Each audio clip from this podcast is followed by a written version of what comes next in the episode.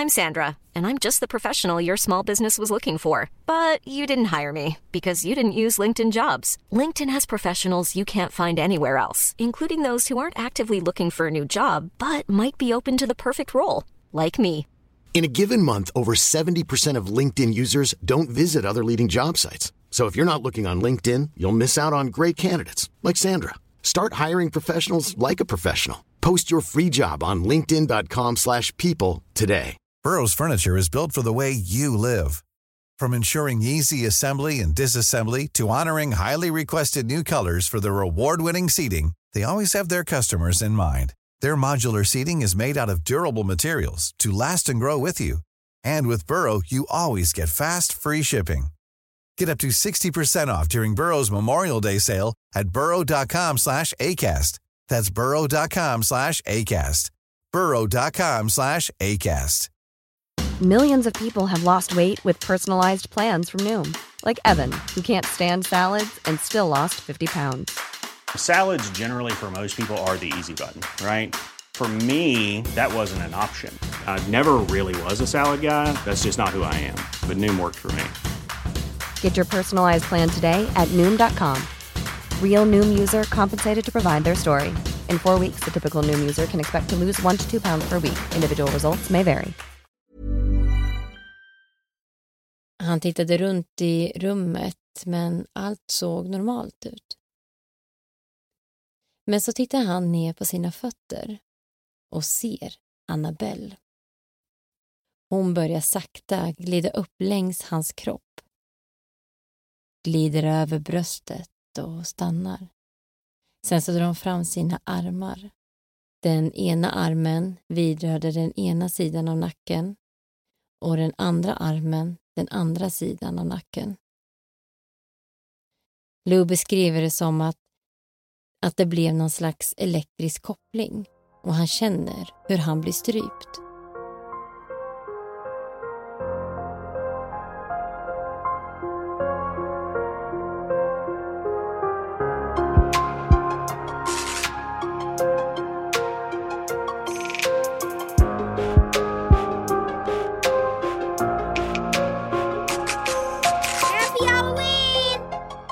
Glad halloween alla där ute. Ja, men välkomna tillbaka till eh, Söndagsmysteriet.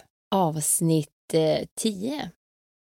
Så vi firar alltså 10, inte 10 års, 10 Inte tioårsjubileum.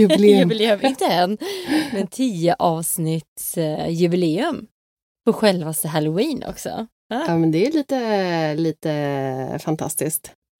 Som, eh, det är som menat. Och vi får ju inte glömma, det är ju min födelsedag faktiskt. Så att, eh, tack, tack. Grattis Mia! Va? ja, tack, tack. Är Känns bra. 25, 22, Ja, men man stoppar vid 25 har jag hört. 27, det sa alltid min Mm. mamma. Att hon slutar fylla vid 27. Ja, men 27 är väl kanske bra. Precis, för det ska ju vara den mest kreativa åldern också. Mm. Det märkte vi Mm. inte av. Nej, vänta än. Men det är så, vi är så unga i sinnet och vi fick vår kreativa sida just nu. Den kom lite senare. Ja, men exakt. Mm. Ja, men härligt med eh, halloween i alla fall. Det här har vi ju verkligen längtat efter. Och i dagens avsnitt så ska vi prata om eh, den hemsökta dockan Annabelle. Det känns som många, de flesta i alla fall känner till henne, eller att man i alla fall har, har hört talas om Annabelle. Och det minns då ifrån filmen The Conjuring. Och The Conjuring, det var ju det vi pratade om i vårt första avsnitt på den här podden i säsong ett faktiskt. Och det handlar ju mest om eh, familjen Perron. Men det här kopplar tillbaka till eh, Annabelle-dockan och det handlar ju, har ju filmatiserats i eh, den andra filmen då i den här serien. Precis. Och jag tror att den är ju rätt känd, mm. tror jag. Alltså som skräckfilm och kommer ju alltid upp så här på hösten. Mm? Conjuring. Jag tror att det är ganska känt. Mm, ja, men eller hur. Eh, ja, precis. Och det är ju de här, eh, ja det kanske du sa, eh, The Warrens, eh, eh, Ed Lorraine Warren. Nej, men det sa jag inte. Nej, nej. som eh, utreder det här också. Och det är ju liksom, de Conjuring-filmerna handlar ju om deras, eh, alltså The Warren Files, eh, Mm. ut, utredningar. Och The Warrens är ju för de som inte då har eh, lyssnat på, på första avsnittet eller inte har hört talas om de här så är ju det, de är ju ökända egentligen för att vara riktiga spökjägare Mm, och har ju utrett över tiotusentals fall mm. genom åren. Precis, vill ni veta mer om dem så gå in och lyssna på första avsnittet för där går vi lite mer djupare in på just om Edda Lorraine då. Men innan vi sätter igång eh, själva avsnittet så tänkte jag ändå att vi, vi får be lite om ursäkt eh, för förra avsnittets strul när vi släppte. Ja men det måste vi göra. Aj, aj, aj. Vi hade ju lite sjukdomar och sådär så vi hade ju inte Alltså hunnit, lite. eh, Jag är ju inne på min fjärde vecka med, eh, med sjukdomar. Och det är bihåleinflammation och allt vad det nu är. Så det, det blev ju körigt i schemat helt enkelt. Ja, och vi hade, hann ju inte redigera klart där. Och vi trodde ju då att vi hade lagt ut det här avsnittet som eh, ett utkast. Men det hade vi inte. Så, Nej, Så att- nej, nej. och ni är ju så jädrans snabba alltså på att lyssna när vi släpper. Så att eh, det var ju många av er som eh, hann lyssna när det låg ute. Och vi la ju på vår Instagram så där fick eh, ju ni som följer oss då en liten heads up att Mm. vi inte var klara med avsnittet. Så ni som inte följer oss där på, på Instagram, gör det. För där kommer det alltid lite extra information om våra avsnitt. Mm. Precis. Och eh, ja, så att ja, det var väl någon lite, ja, lite bakgrundsröst man hörde i något parti där och ja, lite Mm. andra grejer. Så att ni som lyssnade på det i början, då vet ni vad det handlar om. Att vi, eh, ja, vi var inte klara med avsnittet, men nu ligger det uppe korrekt. Och en sak till var att det finns ytterligare en liten historia som vi inte hade fått in i den eh, första utkastet där. Så ni som lyssnade då på, eh, eh, Ja, på morgonkvisten. på morgonkvisten så ligger den ytterligare en liten spökhistoria. Den ligger någonstans i slutet. Så Mm. att, eh, kan ni gå in och lyssna igen om ni vill höra den. Det tycker jag ni ska göra. Men eh, idag då? Jag hade faktiskt en sak till. What the fuck? Kan du synka? Vad fan ska vi prata om nu då? Ja, men precis. Jag har inte riktigt synkat det här med dig innan. Jag vet att vi pratade lite löst om det här, men jag tänkte att ja, men jag bestämmer ändå det här nu. Nu kör vi och konkretiserar här direkt. ja. För vi tänker ju att vi ska släppa ett eh, bonusavsnitt i jul. Så vår idé, eller min idé, var att eh, nu när vi släpper det här avsnittet så kommer vi lägga upp en eh, story på vår Instagram där ni kan ge förslag på vad ni vill eh, att vi ska prata om i det avsnittet. Ytterligare en anledning till att gå in och följa oss på Instagram helt enkelt. Mhm, absolut. Ja, ge förslag på ämnen. Och sen så tänker vi att vi eh, plockar ut fyra av de här eh, som ni har gett som förslag. Eh, och sen så kommer ni få rösta på de här fyra olika alternativen. Och den som får flest röster, det pratar vi om helt enkelt. Så att eh, gå in nu, för nu har ni chansen att eh, påverka och om ni vill att vi ska prata om någonting som ni tycker är väldigt spännande. Ja, men nu tycker jag att vi eh, slutar att snacka och så hoppar vi in i eh, dagens avsnitt.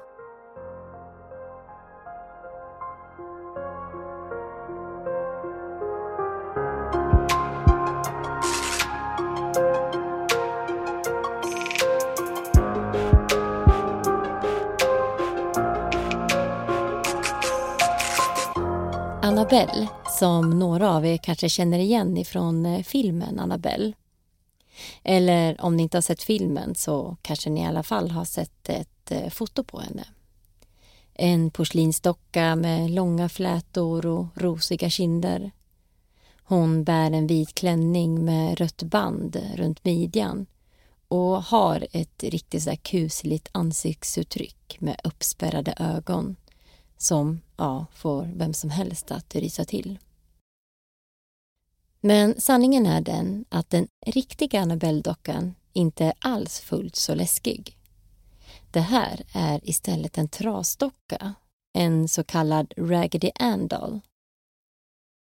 Hon har rött hår gjort av garn, svarta runda ögon och målad trekantig näsa och ett stort leende. Hon är stor och tung, ungefär i storlek som en fyraåring.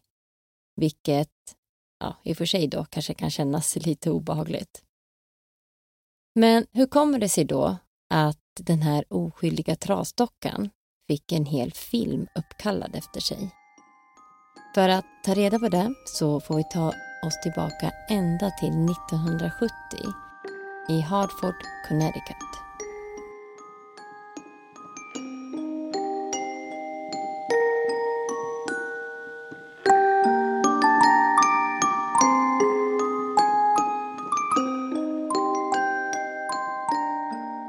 En sjuksköterskastudent vid namn Donna är i slutet på sin utbildning och bor i en liten lägenhet tillsammans med sin rumskamrat Angie.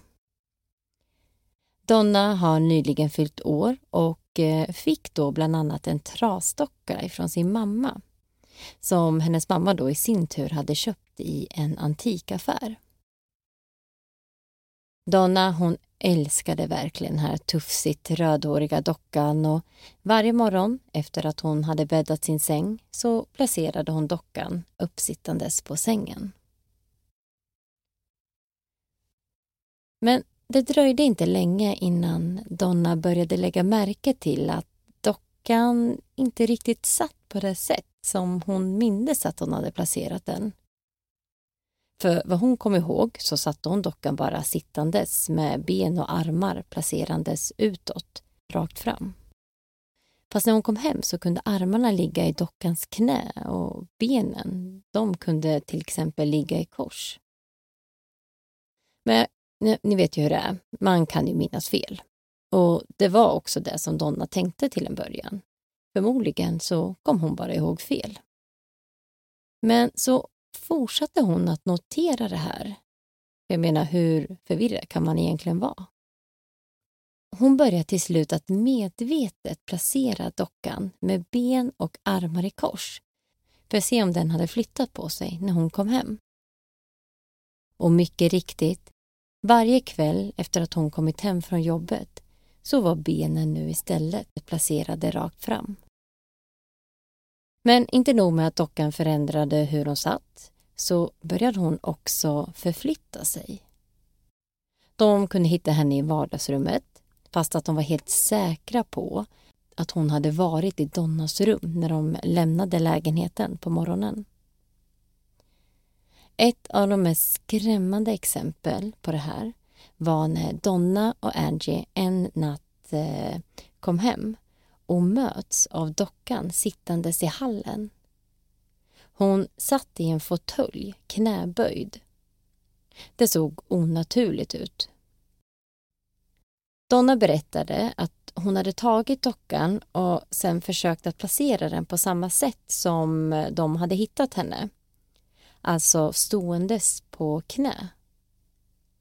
Men det var helt omöjligt att placera henne så, för dockan den bara föll framåt. Men förutom dockan så började lite andra saker hända runt omkring lägenheten. Som att de en dag hittade en chokladbit liggandes mitt på stereon. En stereo som de ofta använde och en chokladbit som de båda var helt säkra på att ingen av dem hade placerat där. Ja, en chokladbit kanske inte är så skrämmande, men mer skrämmande var det när det helt plötsligt började dyka upp små lappar runt om i lägenheten. På de här lapparna så stod det Hjälp oss eller Hjälp Lou. Lou var en nära vän till Donna och Angie som då och då kom över till tjejerna för att eh, umgås. Lou kände direkt ett stort obehag vid dockan och ska vid flera tillfällen ha sagt åt Donna att eh, hon borde göra sig av med dockan. Men Donna hon var alldeles eh, för förtjust i den här dockan så hon ignorerade bara Lous varningar. Men det märkliga med de här lapparna, det var också att de var skrivna på eh, pergamentpapper, alltså bakplåtspapper. Men det var bara det att tjejerna de ägde inget sånt papper. Texten den var också skriven i blyerts med vad som liknade en barns handstil. De började nu förstå att det här var ju på riktigt, det var inga tillfälligheter längre. För antingen så är det något helt sjukt som pågår här, eller så är det någon som har tagit sig in i lägenheten. Donna och Angie de börjar lägga ut små markeringar vid fönstren och eh, dörren. Och så arrangerar de mattan så att om någon skulle komma in så skulle den alltså lämna spår efter sig. Men samtidigt som dockan fortsätter att förflytta sig så visar det aldrig några spår att en inkräktare skulle ha tagit sig in i lägenheten. Händelserna de blev istället bara mer intensiva. En dag när de kom hem så satt dockan på Donnas säng. Inte så som de hade lämnat henne förstås, men det var de ju vana vid vid det här laget. Men så märker de att det är någonting annat som är annorlunda. För när de tittar närmare på dockan så ser de någonting som ser ut som bloddroppar på baksidan av händerna och bröstet. Flickorna, de har nu fått nog och börjar ju verkligen förstå att okej, okay, det är något konstigt som för med den här dockan. Det hade ungefär gått fyra till fem veckor efter de eh, första aktiviteterna hade börjat. Och rädda och skärrade så beslöt de sig för att ta kontakt med ett medium.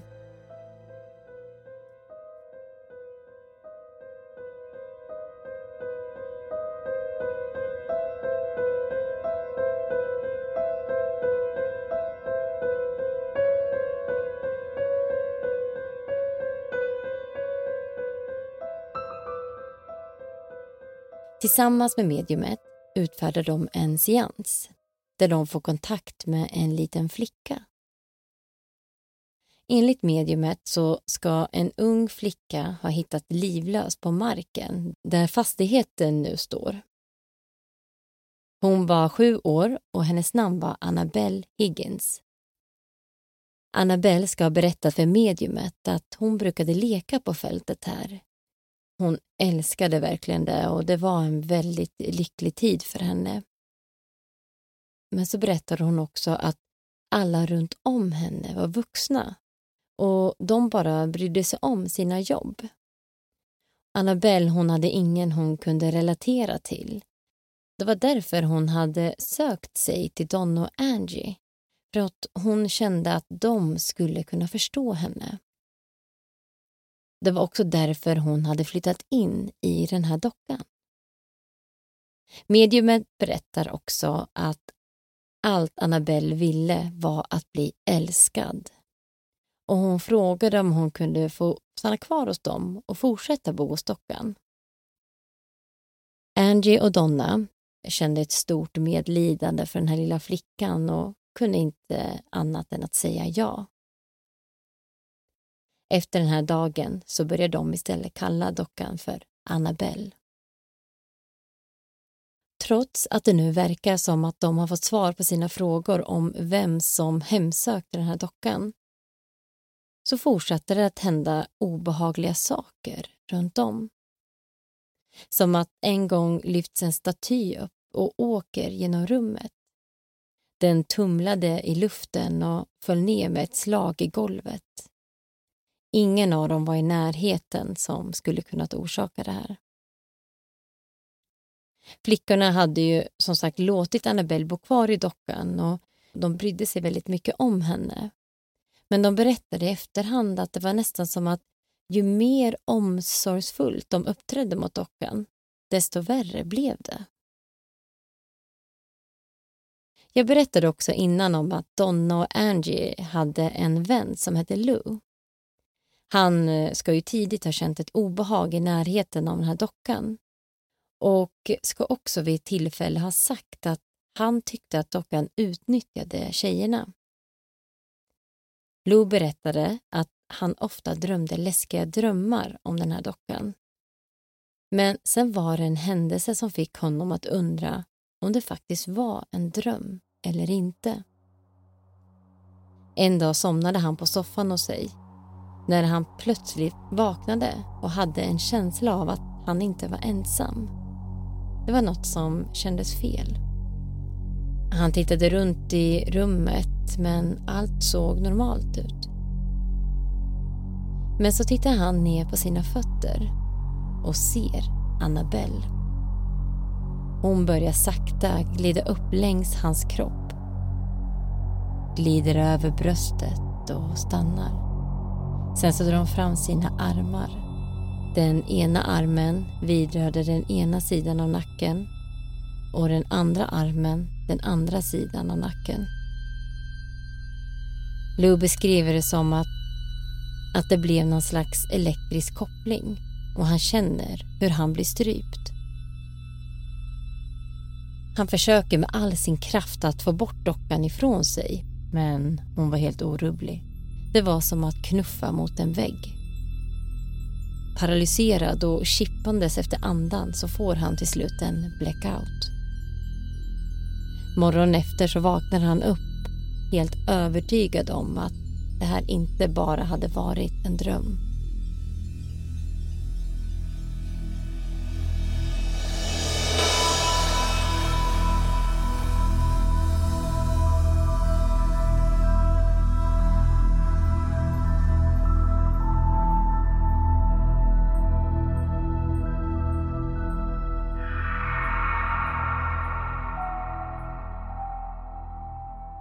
En annan händelse han fick uppleva var i tjejernas lägenhet. Klockan var ungefär elva på kvällen och vännerna satt och tittade på en karta eftersom att Lou dagen efter skulle ut och resa.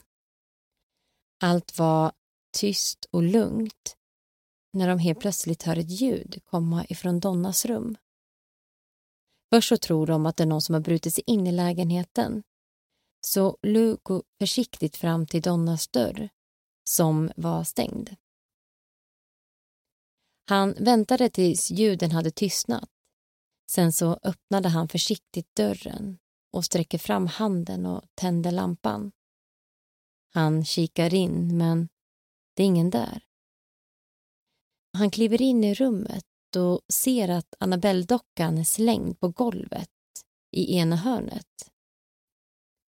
Han går närmare dockan och känner då instinktivt att någon var bakom honom. Han svänger runt med en hastig rörelse, men det är ingen där. Angie, som sitter kvar i vardagsrummet, hör plötsligt hur Lou skriker till. Så hon reser sig upp och rusar in i sovrummet. Där hittar hon Lou dubbelvikt, blödandes med skärsår. Tröjan var full med blod och Lou han bara låg och skakade och var livrädd. Angie tar med sig Lou ut till vardagsrummet och de tar av honom tröjan. Då kan de se hur Lou har klösmärken på bröstet. Tre vertikala och fyra horisontella. Alla rivmärken var också varma, som att det var brännmärken. Det märkliga var också att de här klösmärkena läkte också nästan på en gång. För dagen efter så var de nästan helt borta. Desperata så kontaktade vännerna direkt en präst, fader Higen, som undervisade på ett college i närheten och som de också alla kände. Higen kom och besökte vännerna och även om de tyckte att det kändes lite konstigt att berätta för honom om allt som de hade varit med om. Så de var ju rädda att ingen skulle tro dem, men de såg samtidigt ingen annan utväg. De berättade till slut hela historien och till deras lättnad så tror fader Higen på dem. Men han sa också att han inte hört talas om någon liknande historia nu för tiden. Han ville helst inte spekulera i vad det kunde vara men det enda han sa var att det i alla fall var någon slags andlig angelägenhet.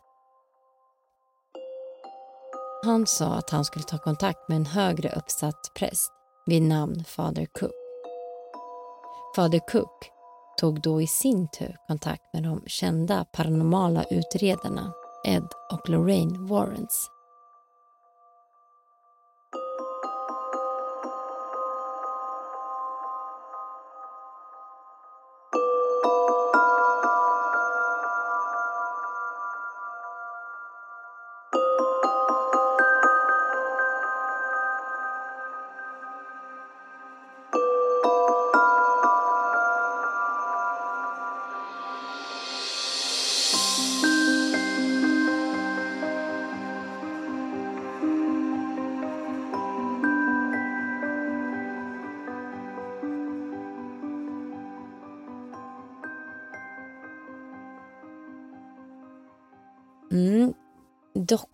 Alltså. Ja, de är ju lika otrevliga som spökbarn. Eller? Ja, men det är ju det. Exakt. Det var ju lite därför Åh. vi valde det här typen av avsnittet för att eh, ja, men på riktigt finns det något läskigare än hemsökta dockor.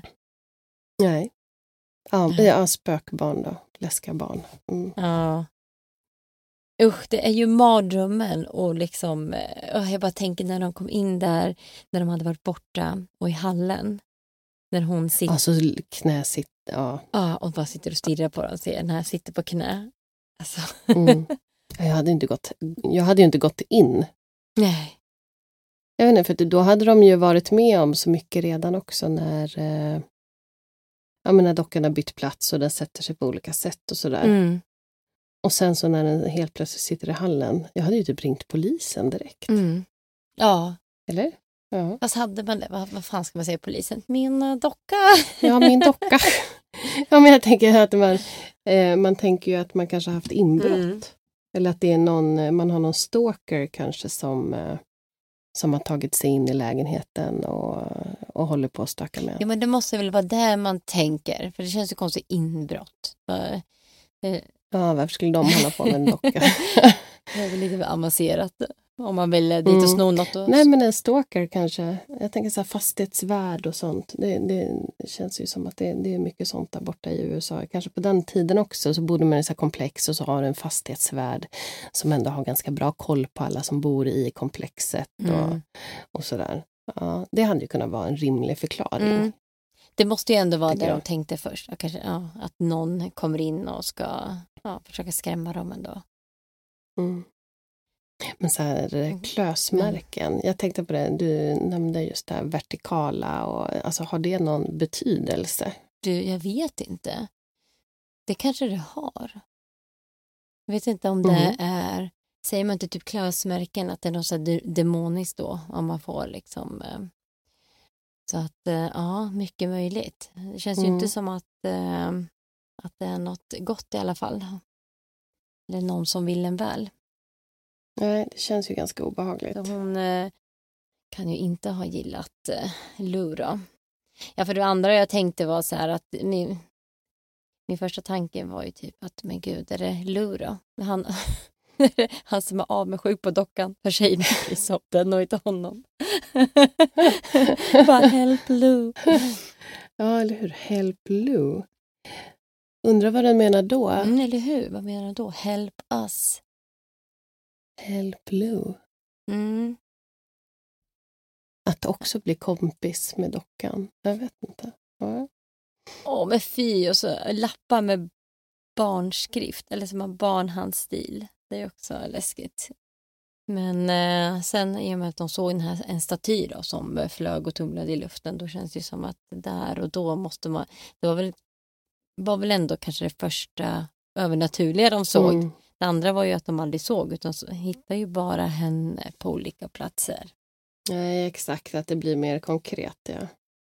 Ja, och samma sak sen när eh, Lou då blir attackerad. Ja, ja men fy. Ja, jag, jag hade ju bara dragit och aldrig kommit tillbaka. Ja men verkligen. Och sen, men det spelar ingen roll för att alltså han innan då, när han, då var ju han hemma hos sig och sov. När han då vaknade av att den här dockan då glider upp längs hans kropp och stannar då sen Ja, bara tar sina små händer. Och, Små dockhänder. Ja, men åh gud, jag kommer inte kunna sova i natt. Ja, jag hatar att vi har dockor hemma. Ja, vi har inte så många än. Vi ska få Eh, ärva mina sen. Men jag tänker, det är, det är inte bara dockor. Jag börjar ju tänka på alla slags gosedjur man har hemma. Ja, åh men gud, jag måste ju berätta som du redan vet om. Ja. Jag måste dela den här historien. Ida är hemsökt. Min, min första, ja jag är fan hemsökt nu. Alltså, usch. Nej, men jag är iväg med min eh, son. Vi ska eh, åka och eh, hälsa på min syster. Men vi, ja, vi mellanlandar hos mina föräldrar, för det är så långt att åka. Så eh, vi sover där en natt och så, hos mamma och pappa och så har de en, en stor eh, en leksäck kan man säga med massa leksaker i. Och min son han har, på, har ju lekt med det här på kvällen då. Jag vet inte om riktigt om han har lekt i den eller om han har lekt med andra, för de har lite olika ställen de har leksaker på. Men hur som helst så går vi, han går och lägger sig först och sen lite senare går jag och lägger mig och jag kanske ligger och surfar och ja, mm, sådär som man gör innan man somnar. Sen somnar jag och jag måste ungefär, efter jag kollar på klockan så jag måste ha sovit ungefär en timme. Så vaknar jag av att jag hör ett ljud. Och så bara, men gud vad är, vad är det för någonting? Så här. Och så, så, eh, sen börjar jag höra att nej, men det, kom, det här ljudet kommer ifrån den här leksäcken. Då är det en jävla anka som eh, ja, håller på att spela då. Från ingenstans. Ja, alltså det är så, åh, så äckligt. Och jag menar, då har ju jag den är, jag kan säga så här, den går igång ganska lätt. Alltså om man trycker på den så går den igång hyggligt lätt. Men jag menar Okej. den har ju ändå Ja. legat... Spelar den någon musik eller är det så här Quack, ankljud? quack, Eller? quack, quack. Han sjunger typ så. Eh, Men ja, nej. och då har jag ändå, i och med att jag har legat i det här rummet kanske totalt en och en halv timme innan den börjar spela sig. var någon där. Mm. Ja, äh, men eh, docka då, Annabelle. Ja, men de vågade ju också ha en seans Mm. kring det här. Mm. Det tycker jag är vågat ändå. Ja, verkligen. Jag känner så här, sånt vill man ju inte riktigt leka med. Nej. Jag har enorm respekt för sånt där. Verkligen, men jag tänker de hade ju ändå ett medium med sig. Mm. Då kanske man ändå vågar. Alltså om man nu har upplevt det som de hade gjort, det var ju då de kände ju att... Fast samtidigt, jag hade ju fan bara kastat dockan tror jag. Mm. Eller är man rädd att den ska fortsätta vara kvar så man tar kontakt med medium för att se vad det är för någonting så man kan bli av med det. Mm. Ja, nej men jag hade... Jag hade nog gjort mig av med dockan tror jag. Mm. Ja, jag vet, det hade jag säkert också gjort. Men jag kan ändå tänka mig att om När jag nu... stod där i hallen. Känner jag. Ja, okej. Ja, dockan. ja, jo, då hade jag direkt kastat den. Nej, men fy. Ja. Mm. Men om jag, jag nu hade gått till att vi hade tagit dit ett medium, då hade jag nog vågat vara med på en seans om det ändå var ett medium och jag verkligen Mm. alltså, var ute efter någonting. Att, men gud, vi måste ta reda på det här. Men jag hade aldrig bara vågat göra det eh, för att. Nej, bara sådär. Nej. Nej. Nej. nej, det ska man ju vara väldigt försiktig med. Och då är det ju kanske tur då att de faktiskt har hört av sig vidare sen då till kyrkan och de i sin tur tar kontakt med Ed och Lorraine Warren.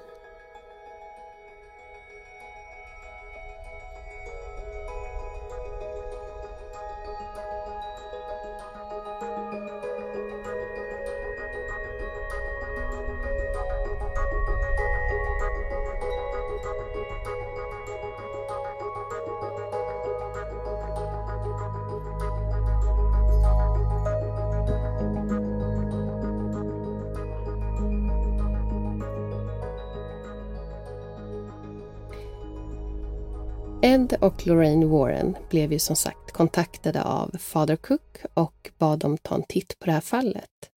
De skulle återkomma om det är någonting kyrkan kunde bistå med. Och de blev ju direkt intresserade av att ta en närmare titt på det här fallet. De fick kontaktuppgifterna till Angie och Donna och hörde av sig direkt. De kommer överens om att de ska komma över och ta en närmare titt. Warrens anländer till lägenheten och med sig har de inspelningsutrustning, de har kamera, allt som de brukar ha med på sina utredningar. De leds in i lägenheten där de börjar prata om flickornas upplevelser. De berättar vad de hade sagt till prästen och berättar egentligen hela historien om dockan. Hur de fick den, att den började röra på sig. Lämna lappar och Lou som blev attackerad. Även om deras seans då de fick reda på att det var en liten flicka vid namn Annabelle som bett om att få flytta in i dockan. Och där stannade Ed upp. Ta över dockan. Men har ni någonsin sett ett litet spöke av den här flickan i lägenheten, undrar ju han. Men det var det ingen som hade. Och det var heller inget namn som betydde något för någon av dem. Men de kunde känna en närvaro i lägenheten, så pass att de nu hade bestämt sig för att flytta ut. Det är någonting här inne och Angie, hon kunde inte stå ut med att vara ensam här. Varpå Ed svarar. Ja, men det här kommer inte hjälpa er så mycket, jag är rädd. Vad menar du då? frågar Donna. Jo, men ni har ju av misstag tagit in en ande i den här lägenheten och in i ert liv. Ni kommer inte kunna lämna det så lätt. Men Ed och Lorraine de valde att ta på sig det här fallet och hjälpa dem, där och då, samma dag. Det första de gjorde var att ringa fader Cook för att bjuda över och ta hjälp av honom. För här behövde de även kyrkans kraft. Och fader Cook han hade i princip väntat på det där samtalet och anslöt senare till lägenheten. Under tiden så förklarar Ed att de ska göra en sorts välsignelse av hemmet. En slags exorcism. Och varför måste de göra det? Jo, för det första så finns det ingen Annabelle. De har blivit lurade.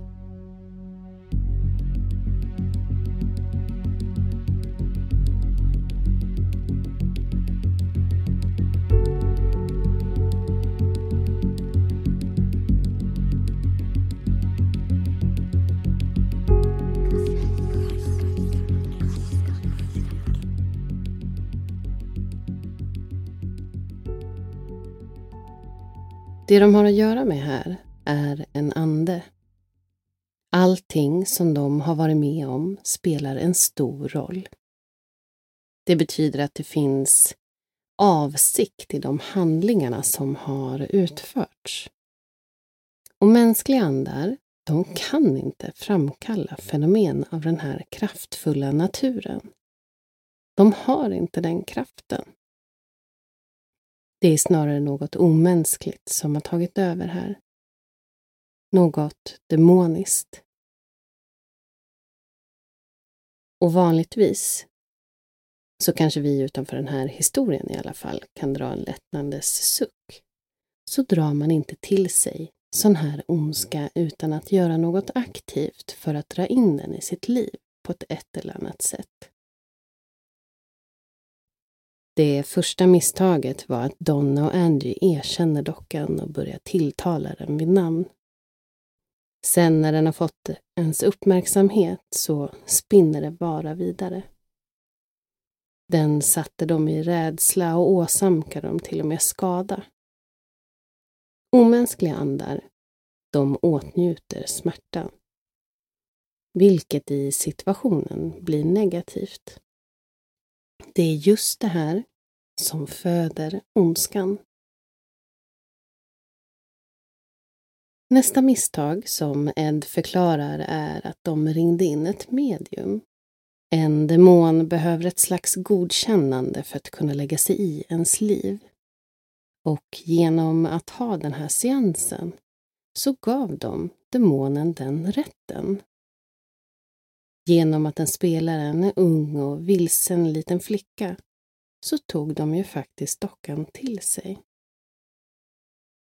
Och allt det här gör den för att den vill ta över en person. Ingen docka, inga saker, utan en människa. Men i och med att Lou inte var övertygad eller trodde på det här så blev ju han ett hot mot den här ondskan. Hade man gett en vecka eller två så hade Lou lika gärna kunnat vara död, påstår Ed. Tillbaka till exorcismen. Och vad är en exorcism? Jo, i det här fallet så är det kanske inte lika dramatiskt som det kan se ut i filmer, men det handlar om en specifik form av böner som kyrkan använder mot djävulens kraft. Fader Cook kom till lägenheten och Ed ville verkligen komma igång med att få huset välsignat. Ta bort dockan och åka hem igen. Ed förklarar för prästen att den här anden som ligger bakom den illvilliga aktivitet som pågår här är omänsklig, fortfarande i lägenheten och kommer inte försvinna utan att man följer en exorcism. Varpå fader Cook undrar hur Ed kan vara så säker då han själv inte är särskilt kunnig inom demonologi. Jo, men det som händer här, förklarar Ed, är just i fasen av angripandet av det här fenomenet. Och i det här fallet en omänsklig demonisk ande som börjat flytta runt den här dockan för att väcka ett intresse hos flickorna. Vilka gjorde det förutsägbara felet med att ringa in ett medium som inte gjorde det direkt bättre. Genom mediumet så kommunicerade och kunde den här anden få ett omedvetet godkännande av dem att fortsätta ta plats och lägga sig i deras liv. Det fortsatte med handskrivna lappar, fysiska angrepp och ovanpå det så har vi Lorraine här idag som känner av den här omänskliga anden. Fader Cook sätter igång med exorcismen och vill inte provocera fram något annat. Det ville nog ingen vid det här laget. Den biskopliga välsignelsen tog ungefär fem minuter att genomföra. Han läste upp välsignelser för att fylla hemmet med positiv kraft, ljus och Gud. När han hade gått igenom hela hemmet så välsignade han även alla personer som var närvarande och att allt nu var väl igen. Lorraine som klärvoajant, hon höll ju med och kunde inte känna av samma ondska i lägenheten.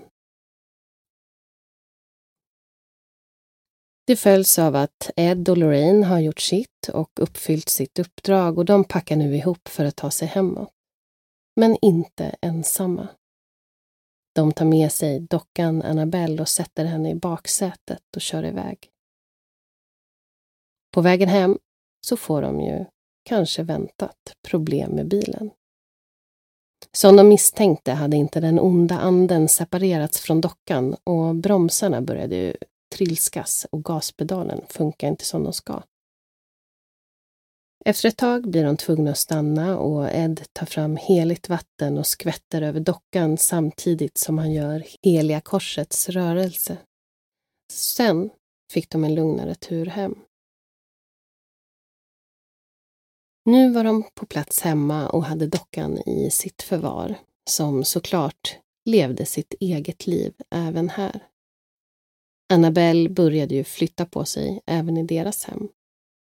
När de var iväg så låste de in dockan i en yttre kontorsbyggnad, men kom tillbaka och hittade Annabelle sittandes i huset på ovanvåningen i Eds fåtölj.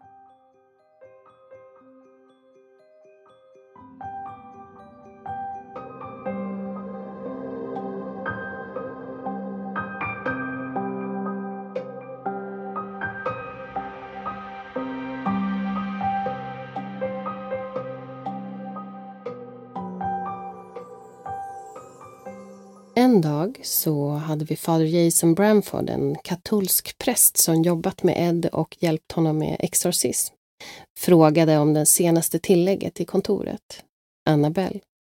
Dockan var vid den här tiden inte i någon glasbur som vi kanske känner igen henne idag. Så Ed var noga med att klargöra för prästen att absolut inte vidröra något, inklusive dockan.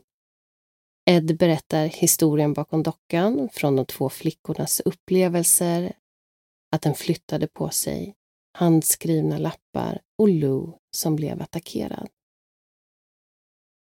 När Ed kommer till att Lou fick rivmärken och sår från dockan så agerar prästen kanske lite som Lou.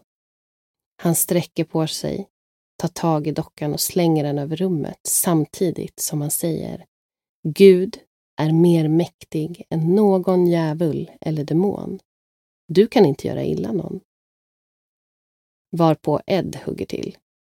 Det där är en sak som du för ditt eget bästa inte säger en gång till. Prästen svarar direkt att han inte bryr sig och återupprepar att Gud är mäktigare än någon demon. Ed stämmer kanske in att, ja, Gud är mer mäktig än någon djävul eller demon. Men inte du som människa. Eller präst för den delen. Men prästen skakar av sig för att gå helt säkert hem och de går ut från kontoret, tackar så mycket för idag och det blir dags för prästen att åka hem. Lorraine ber honom vara extra försiktig. Men han kommer trots det ändå inte hem idag. På vägen är prästen med om en olycka. Han dör inte, men han blir väldigt skadad. Senare så ringer prästen till Warrens och är uppjagad och berättar det sista han kommer ihåg när han åkte bil. Det var när han tittade i backspegeln och såg en bild av dockan Annabelle och krockade i en trafikerad korsning där han inte var långt ifrån att dö. Vid ett senare tillfälle så var den här prästen med Tony Spera, Eh, Ed och Lorraines svärson, med på en av Eds föreläsningar. När Ed kom till en presentationsbild av den här dockan Annabelle och pratar om, om just den och historien kring den, så viker prästen ner huvudet i knät. Han satt där tills Ed var klar och gick vidare. Han vågade inte möta dockans blick. Även om det bara var på en presentationsbild. Senare samma år så hade Warrens en tillställning hemma hos sig då Lorraine och en präst vid namn Jason går ner på undervåningen där de hade sina föremål från alla utredningar. Annabelle hade blivit ditflyttad dagen före och medan de stod och pratade så var det en dekoration på väggen som gjorde en snabb rörelse. Och i nästa sekund så var det ett stort halsband av vildsvinständer som exploderade ovanför huvudet på dem. Det blev en hög smäll av det här och andra gäster som skyndade sig till dem för att se hur allting stod till. En av gästerna var snabb nog att ta ett foto. När det senare framkallades så verkade det först inte vara något konstigt. Om man inte tittar närmare på fotot. Då såg man ovanför Annabelle två stycken ljuspunkter i riktningen mot prästen. Men det slutar inte här. Vid ett annat tillfälle på Eds kontor så var Ed och Lorraine tillsammans med en polis som de hade jobbat tillsammans med för att lösa ett mordfall i området. Lorraine som klärvoajant brukade ofta hjälpa polisen. Och den här polisen, det var inte en lättskrämd typ. Han hade sett både det ena och det andra. Han blev ju såklart intresserad av museet och ville ta en titt. Ed visade honom runt och berättade om bland annat dockan. Men var väldigt noga med att rör ingenting. Ed fick ett telefonsamtal och var tvungen att gå upp. Inte ens tio minuter hade passerat så hör han hur polisen kommer upp genom trappan. Han är vit som ett spöke och skakar som ett löv. Ed tar tag i honom och är rädd att han håller på att få en hjärtinfarkt. Sätter honom på en stol och försöker ringa ambulans.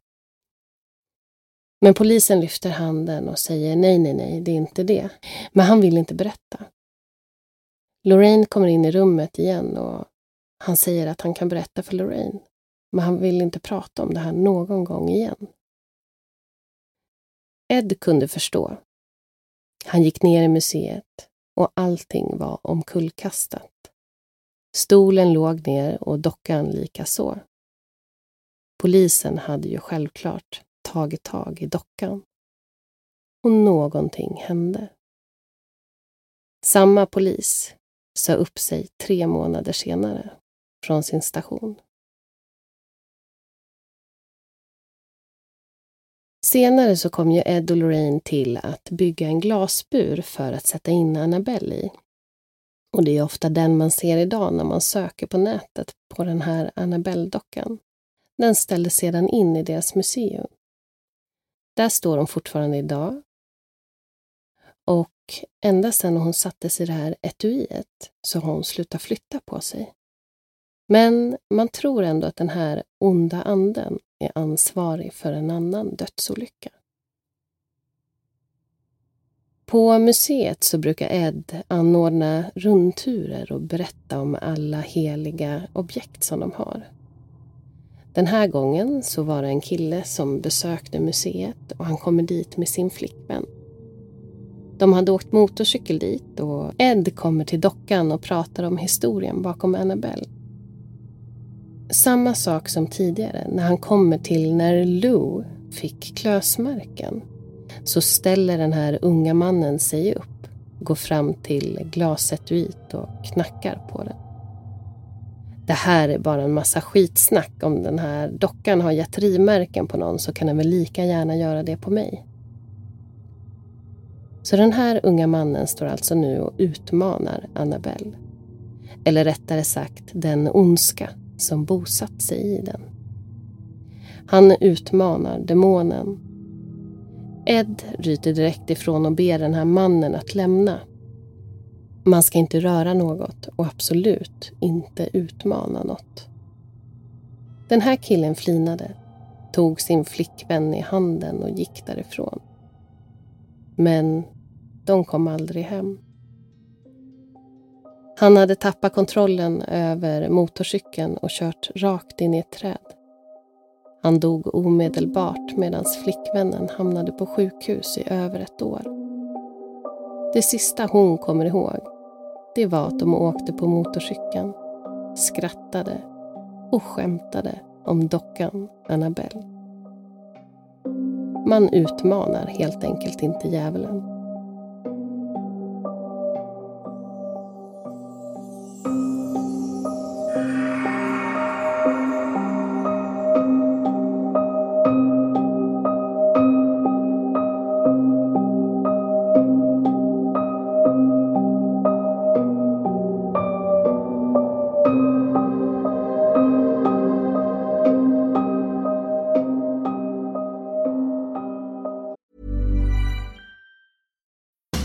Millions of people have lost weight with personalized plans from Noom, like Evan, who can't stand salads and still lost 50 pounds. Salads, generally, for most people, are the easy button, right? For me, that wasn't an option. I never really was a salad guy. That's just not who I am. But Noom worked for me. Get your personalized plan today at Noom.com. Real Noom user compensated to provide their story. In four weeks, the typical Noom user can expect to lose one to two pounds per week. Individual results may vary. Burrow is a furniture company known for timeless design and thoughtful construction and free shipping, and that extends to their outdoor collection. Their outdoor furniture is built to withstand the elements, featuring rust-proof stainless steel hardware, weather-ready teak, and quick-dry foam cushions. For Memorial Day, get 15% off your Burrow purchase at burrow.com slash ACAST and up to 25% off outdoor. That's up to 25% off outdoor furniture at burrow.com slash ACAST. Nej, det gör man verkligen inte. Och jag trodde inte att det skulle bli så mycket demon och djävulsk snack. Jag hatar det. Alltså. Gillar inte det? Nej. Nej. Jag vet. Jag är r- Det är väl ingen som gillar nej, det. jag är så rädd för att göra fel. Men, ja. Men det jag tröstar mig med är ju att man faktiskt som, som eh, Ed och Lorraine då har förklarat, är ju att man måste ju göra något aktivt för att faktiskt bjuda in en sån här ond ande. Mm, Det är min det är tröst. tröst. Mm, och efter det här då, Mm. då eh, jag tar tillbaka det jag sa innan om det här att jag skulle ändå kunna tänka mig ha en seans med ett medium. Då. Ja, nej, oavsett så nej. exakt. Nej, det är bara stoppa den tanken. Mm. Ja, det var läskigt för man tänker ändå att ja, men medium, de har ändå koll på, på saker Mm. eller vad som händer och med andevärlden. Men hon, eh, det här blev ju uppenbarligen, uppenbarligen då lurad av det här. Ja. Och gjorde bara saken värre. Jo men exakt, de bjöd ju in Mm. den här djävulen då, eller vad, demonen. Till att Mm. faktiskt härja lite fritt i deras liv. Men den började ju liksom innan det. Det blir väl något slags ytterligare steg Ja. kanske för att komma närmare och till slut så vill de ju eh, som jag förstått det då egentligen eh, ta över en människa. Ja, okej. Mm. Så det här är bara ett, ett steg den... Så de eh, kan göra grejer till en viss grad. Eh, och sen när de blir inbjudna då kan de göra ännu värre eh, saker och kanske då till Mm. slut kunna ta över en människa. Sen är jag också, jag, jag är ju inte heller någon expert på demoner och go, eh, goda andar. Men Du sa väl att du var som, trött på ditt jobb? Du kanske kanske ska utbilda mig här. Ja. demon... Vad, säger man? Demonolog. Demonolog. Så Ah. Nej, jag känner att det, nej. Ed får ta den, eller hans efterlevare. Det är väl någon som kanske kan ta över efter Ed. Ja. Han har ju gått bort. Men som han förklarade också så är det ju att eh, goda andar går liksom inte in i såna här eh, objekt, alltså saker och ting. Alltså Mm. dockor eller stolar och så, ja, vad det nu kan vara. Mm, De, eh, vad säger man, possess. Jaha, bes, besätter, De, eh, bes, exakt. De besätter. Det är helt fel. Men... Sakerna blir i alla fall inte besatta Nej, av exakt. andar. Av goda andar på det sättet. Mm. Utan det här blir bara som någon slags eh, utnyttjad kanal då för de här onda andarna. Okej. Ja. Hur som helst eh, så är det ju riktigt obehagligt. Och det, det var ganska roligt för att jag läste också eh, men, man har läst ganska mycket nu om Annabelle och, och det dök ju upp ett rykte. Jag undrar om det var 20... Nu kommer jag inte ihåg årtalet. Ja! Var det jag läste också 2017 det. eller 2014 att det dök upp eh, rykten om, eh, om att Annabelle hade flytt från det här ockulta museet. Och det var ju alltså människor världen över, de fick ju panik. Och folk skrev på Twitter och Facebook och Instagram, alltså mitt i natten. Och för klockan tre hade den ju försvunnit då från, från det här eh, museet. Mm. Och det var ja, men fantastiskt vilket, vilket kaos det blev över den här Annabelle-dockan som var borta. Nej, men hade jag bott i den staden jag, och sett det här, jag hade nog också fått lite panik. Ja, bara, eh, okej. Nej, men hon får ju faktiskt inte försvinna. Nej, och vara ensam hemma och bara titta ut. Ja. Okej, ja. Eh, men sen då var det ju Ed Lorraines svärson Tony Spera, det är ju han som har tagit över det här efter det, eh, deras bortgång. Så har ju han dels deras museum och Youtube-kanal och allt vad det nu är. Men han gick ju ut och förklarade då att nej men Annabelle hon finns kvar här hemma. Det är ingen som har försvunnit härifrån. Och eh, det här ryktet verkar ju ha uppstått när det var en film tror jag. Det var en intervju med eh, en eh, skådespelerska som hette Annabelle. Och det här översattes till kinesiska. och då blev det fel i översättningen att Annabelle escaped någonting sånt. Och då var det någon som snappade upp och började sprida det här. Ja, det, Nej men gud vad sjukt min värld bara. Ja. Panik. Ja. på grund av en felaktig kinesisk Översättning. översättning. Ja, det var ganska roligt. Eller flydde hon men man kanske inte vågar säga något. Hon kanske är ute där. Och de skaffade en replika och satte tillbaka där och bara nej nej hon är kvar. Ja, säg inte så. Man skulle väl aldrig våga erkänna om de Bli- hade råkat eh, Jag med bli av med henne. Nej, jag vet inte. Han, eh, de, de kanske tjänar pengar på det där. Fast han hade ju å andra sidan också blivit erbjuden kanske, vad var det? Två miljoner dollar hade han fått ett bud på den där dockan. Som han tackade nej till. Jaha, oj. Just Mm. för att han vill ju inte släppa ut den här ondskan i allmänheten. Och det säger ju lite ändå. Fast han kanske tjänar tillräckligt, jag vet inte. Mm. Ja, det enda som jag har tänkt på eh, med den här historien är Mm. väl att det finns liksom ingen, nu kanske inte jag har gjort så bra bakgrundskoll då, men av, men av vad jag har gjort så finns ju inte så mycket information om alltså Donna och Angie och Lou. Jag försökte googla, jag hittade liksom inga bilder, inga Nej. intervjuer. Och det blev så skillnad då mot The Perron där de, Mm. liksom hela familjen eller, går ut och har intervjuer och berättar. Mm. Vilket man också då tänkte att åh nej, varför gör de det? Vi tjänar pengar. Och nu när det inte finns någonting, då blir man åt andra hållet, jaha. Mm.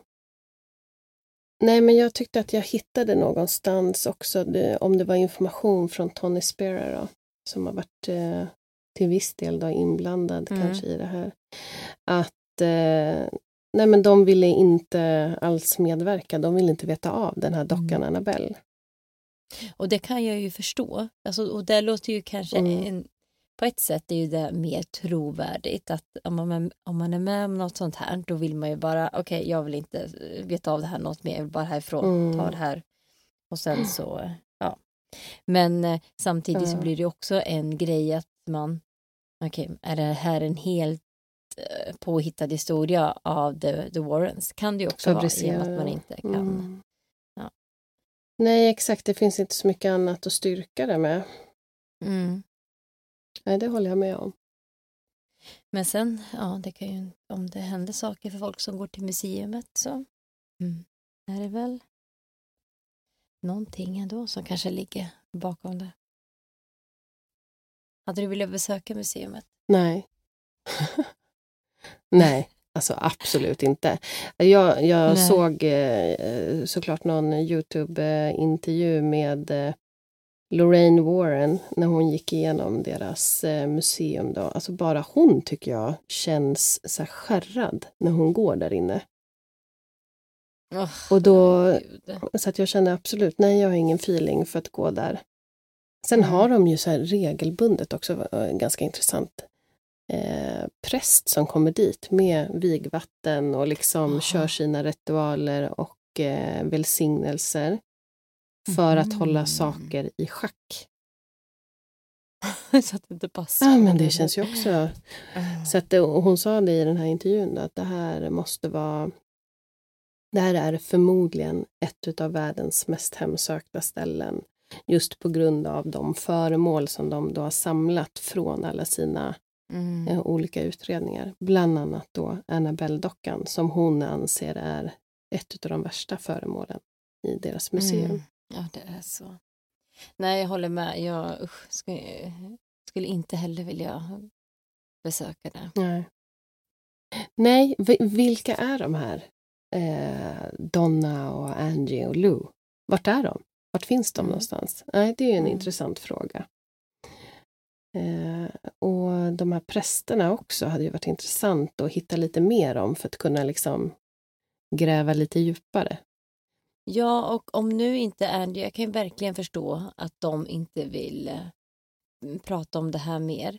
Men de här prästerna då?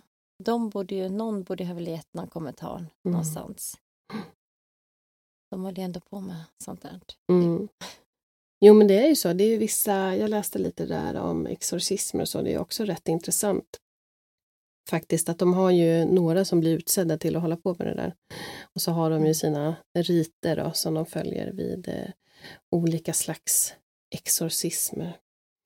Och frågan då, det här var väl en slags exorcism när ingen är besatt än och sen så kommer en annan slags eh, exorcism när man faktiskt driver ut någonting från en person.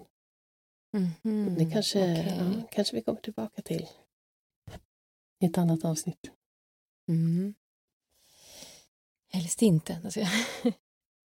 Men du pratar ju om det här fotot. Att eh, man har sett så två ljuspunkter över Annabelle. Finns det här fotot att se någonstans? Jag har inte hittat det. Nej, det har inte det. Nej. Och det brukar ju vara så. Just i sådana här historier så, så finns ju inte det, de fotona som man kanske helst skulle vilja ha. Jag tänker att de hade ju utrustning med sig också till, eh, till deras lägenhet när de skulle göra den här utredningen. Mm. Och att eh, därifrån, fast de kanske har sina case files liksom inlåsta. Mm. Det är ingenting de delar med sig av. Nej, kanske är så. Kanske dålig energi. Det ska man inte liksom öppna och kolla på. Nej, men de sätter in dockan i ett museum. Den, den är fine. Men ett litet foto, det... Jo, men för att de tänker ju att tar de inte med sig den här dockan och skyddar den från allmänheten så kommer ju den här ondskan då som har bes, alltså, bosatt sig i den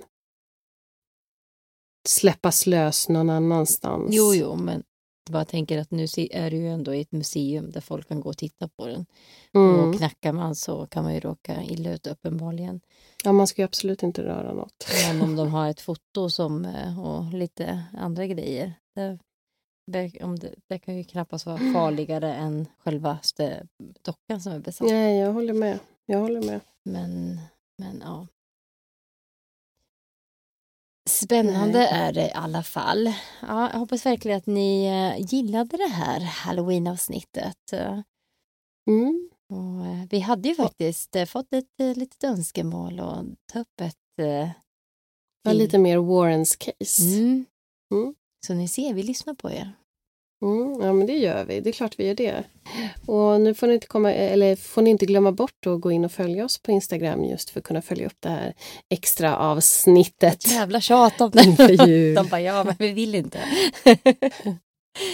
Eller vi orkar inte. Ja, men gör gärna det. Snälla. Snälla. Ja, men det har varit en härlig eh, spökmånad i alla fall och jag hoppas att ni har ryst lika mycket som vi har gjort och sovit lika dåligt som vi har gjort. Mm, var en härlig födelsedag för dig då. Mm. Med, och med det här avsnittet så släpps. Mig till ära. Mm. Ja, men om två veckor så är vi ju tillbaka igen med ett annat avsnitt och då byter vi också lite genre. Mm. Vi, eh, vi fortsätter självklart med mysterier då. inte, inte helt... Ja, vi byter ju inte genre. Gör vi inte. Nästa blir det politik. Ja. Vad hände egentligen med Juholt? Jo, men hans två söner var ju med i Lego Masters Ja, nu, det var för de, övrigt. Ja. Jag har ju lite koll ändå på omvärlden. Så det kommer vi prata mer om nästa om två veckor då. Nej då, men eh, vi... Eh, Ja, men ska vi droppa det här eller? ja, men gör det. Ja, Ja, det göra tycker jag. Ja, jag tänker att vi, vi namedroppar ju nästa, nästa avsnitt och det Mm. kommer ju handla om Montauk Project. Mm. Eh, foliehatter på på det avsnittet. Jajamän. Vi börjar nu. ja, men ha en trev, fortsatt trevlig halloween så eh, ses vi om två, eller hörs om två veckor igen. Det gör vi. Ha det bra.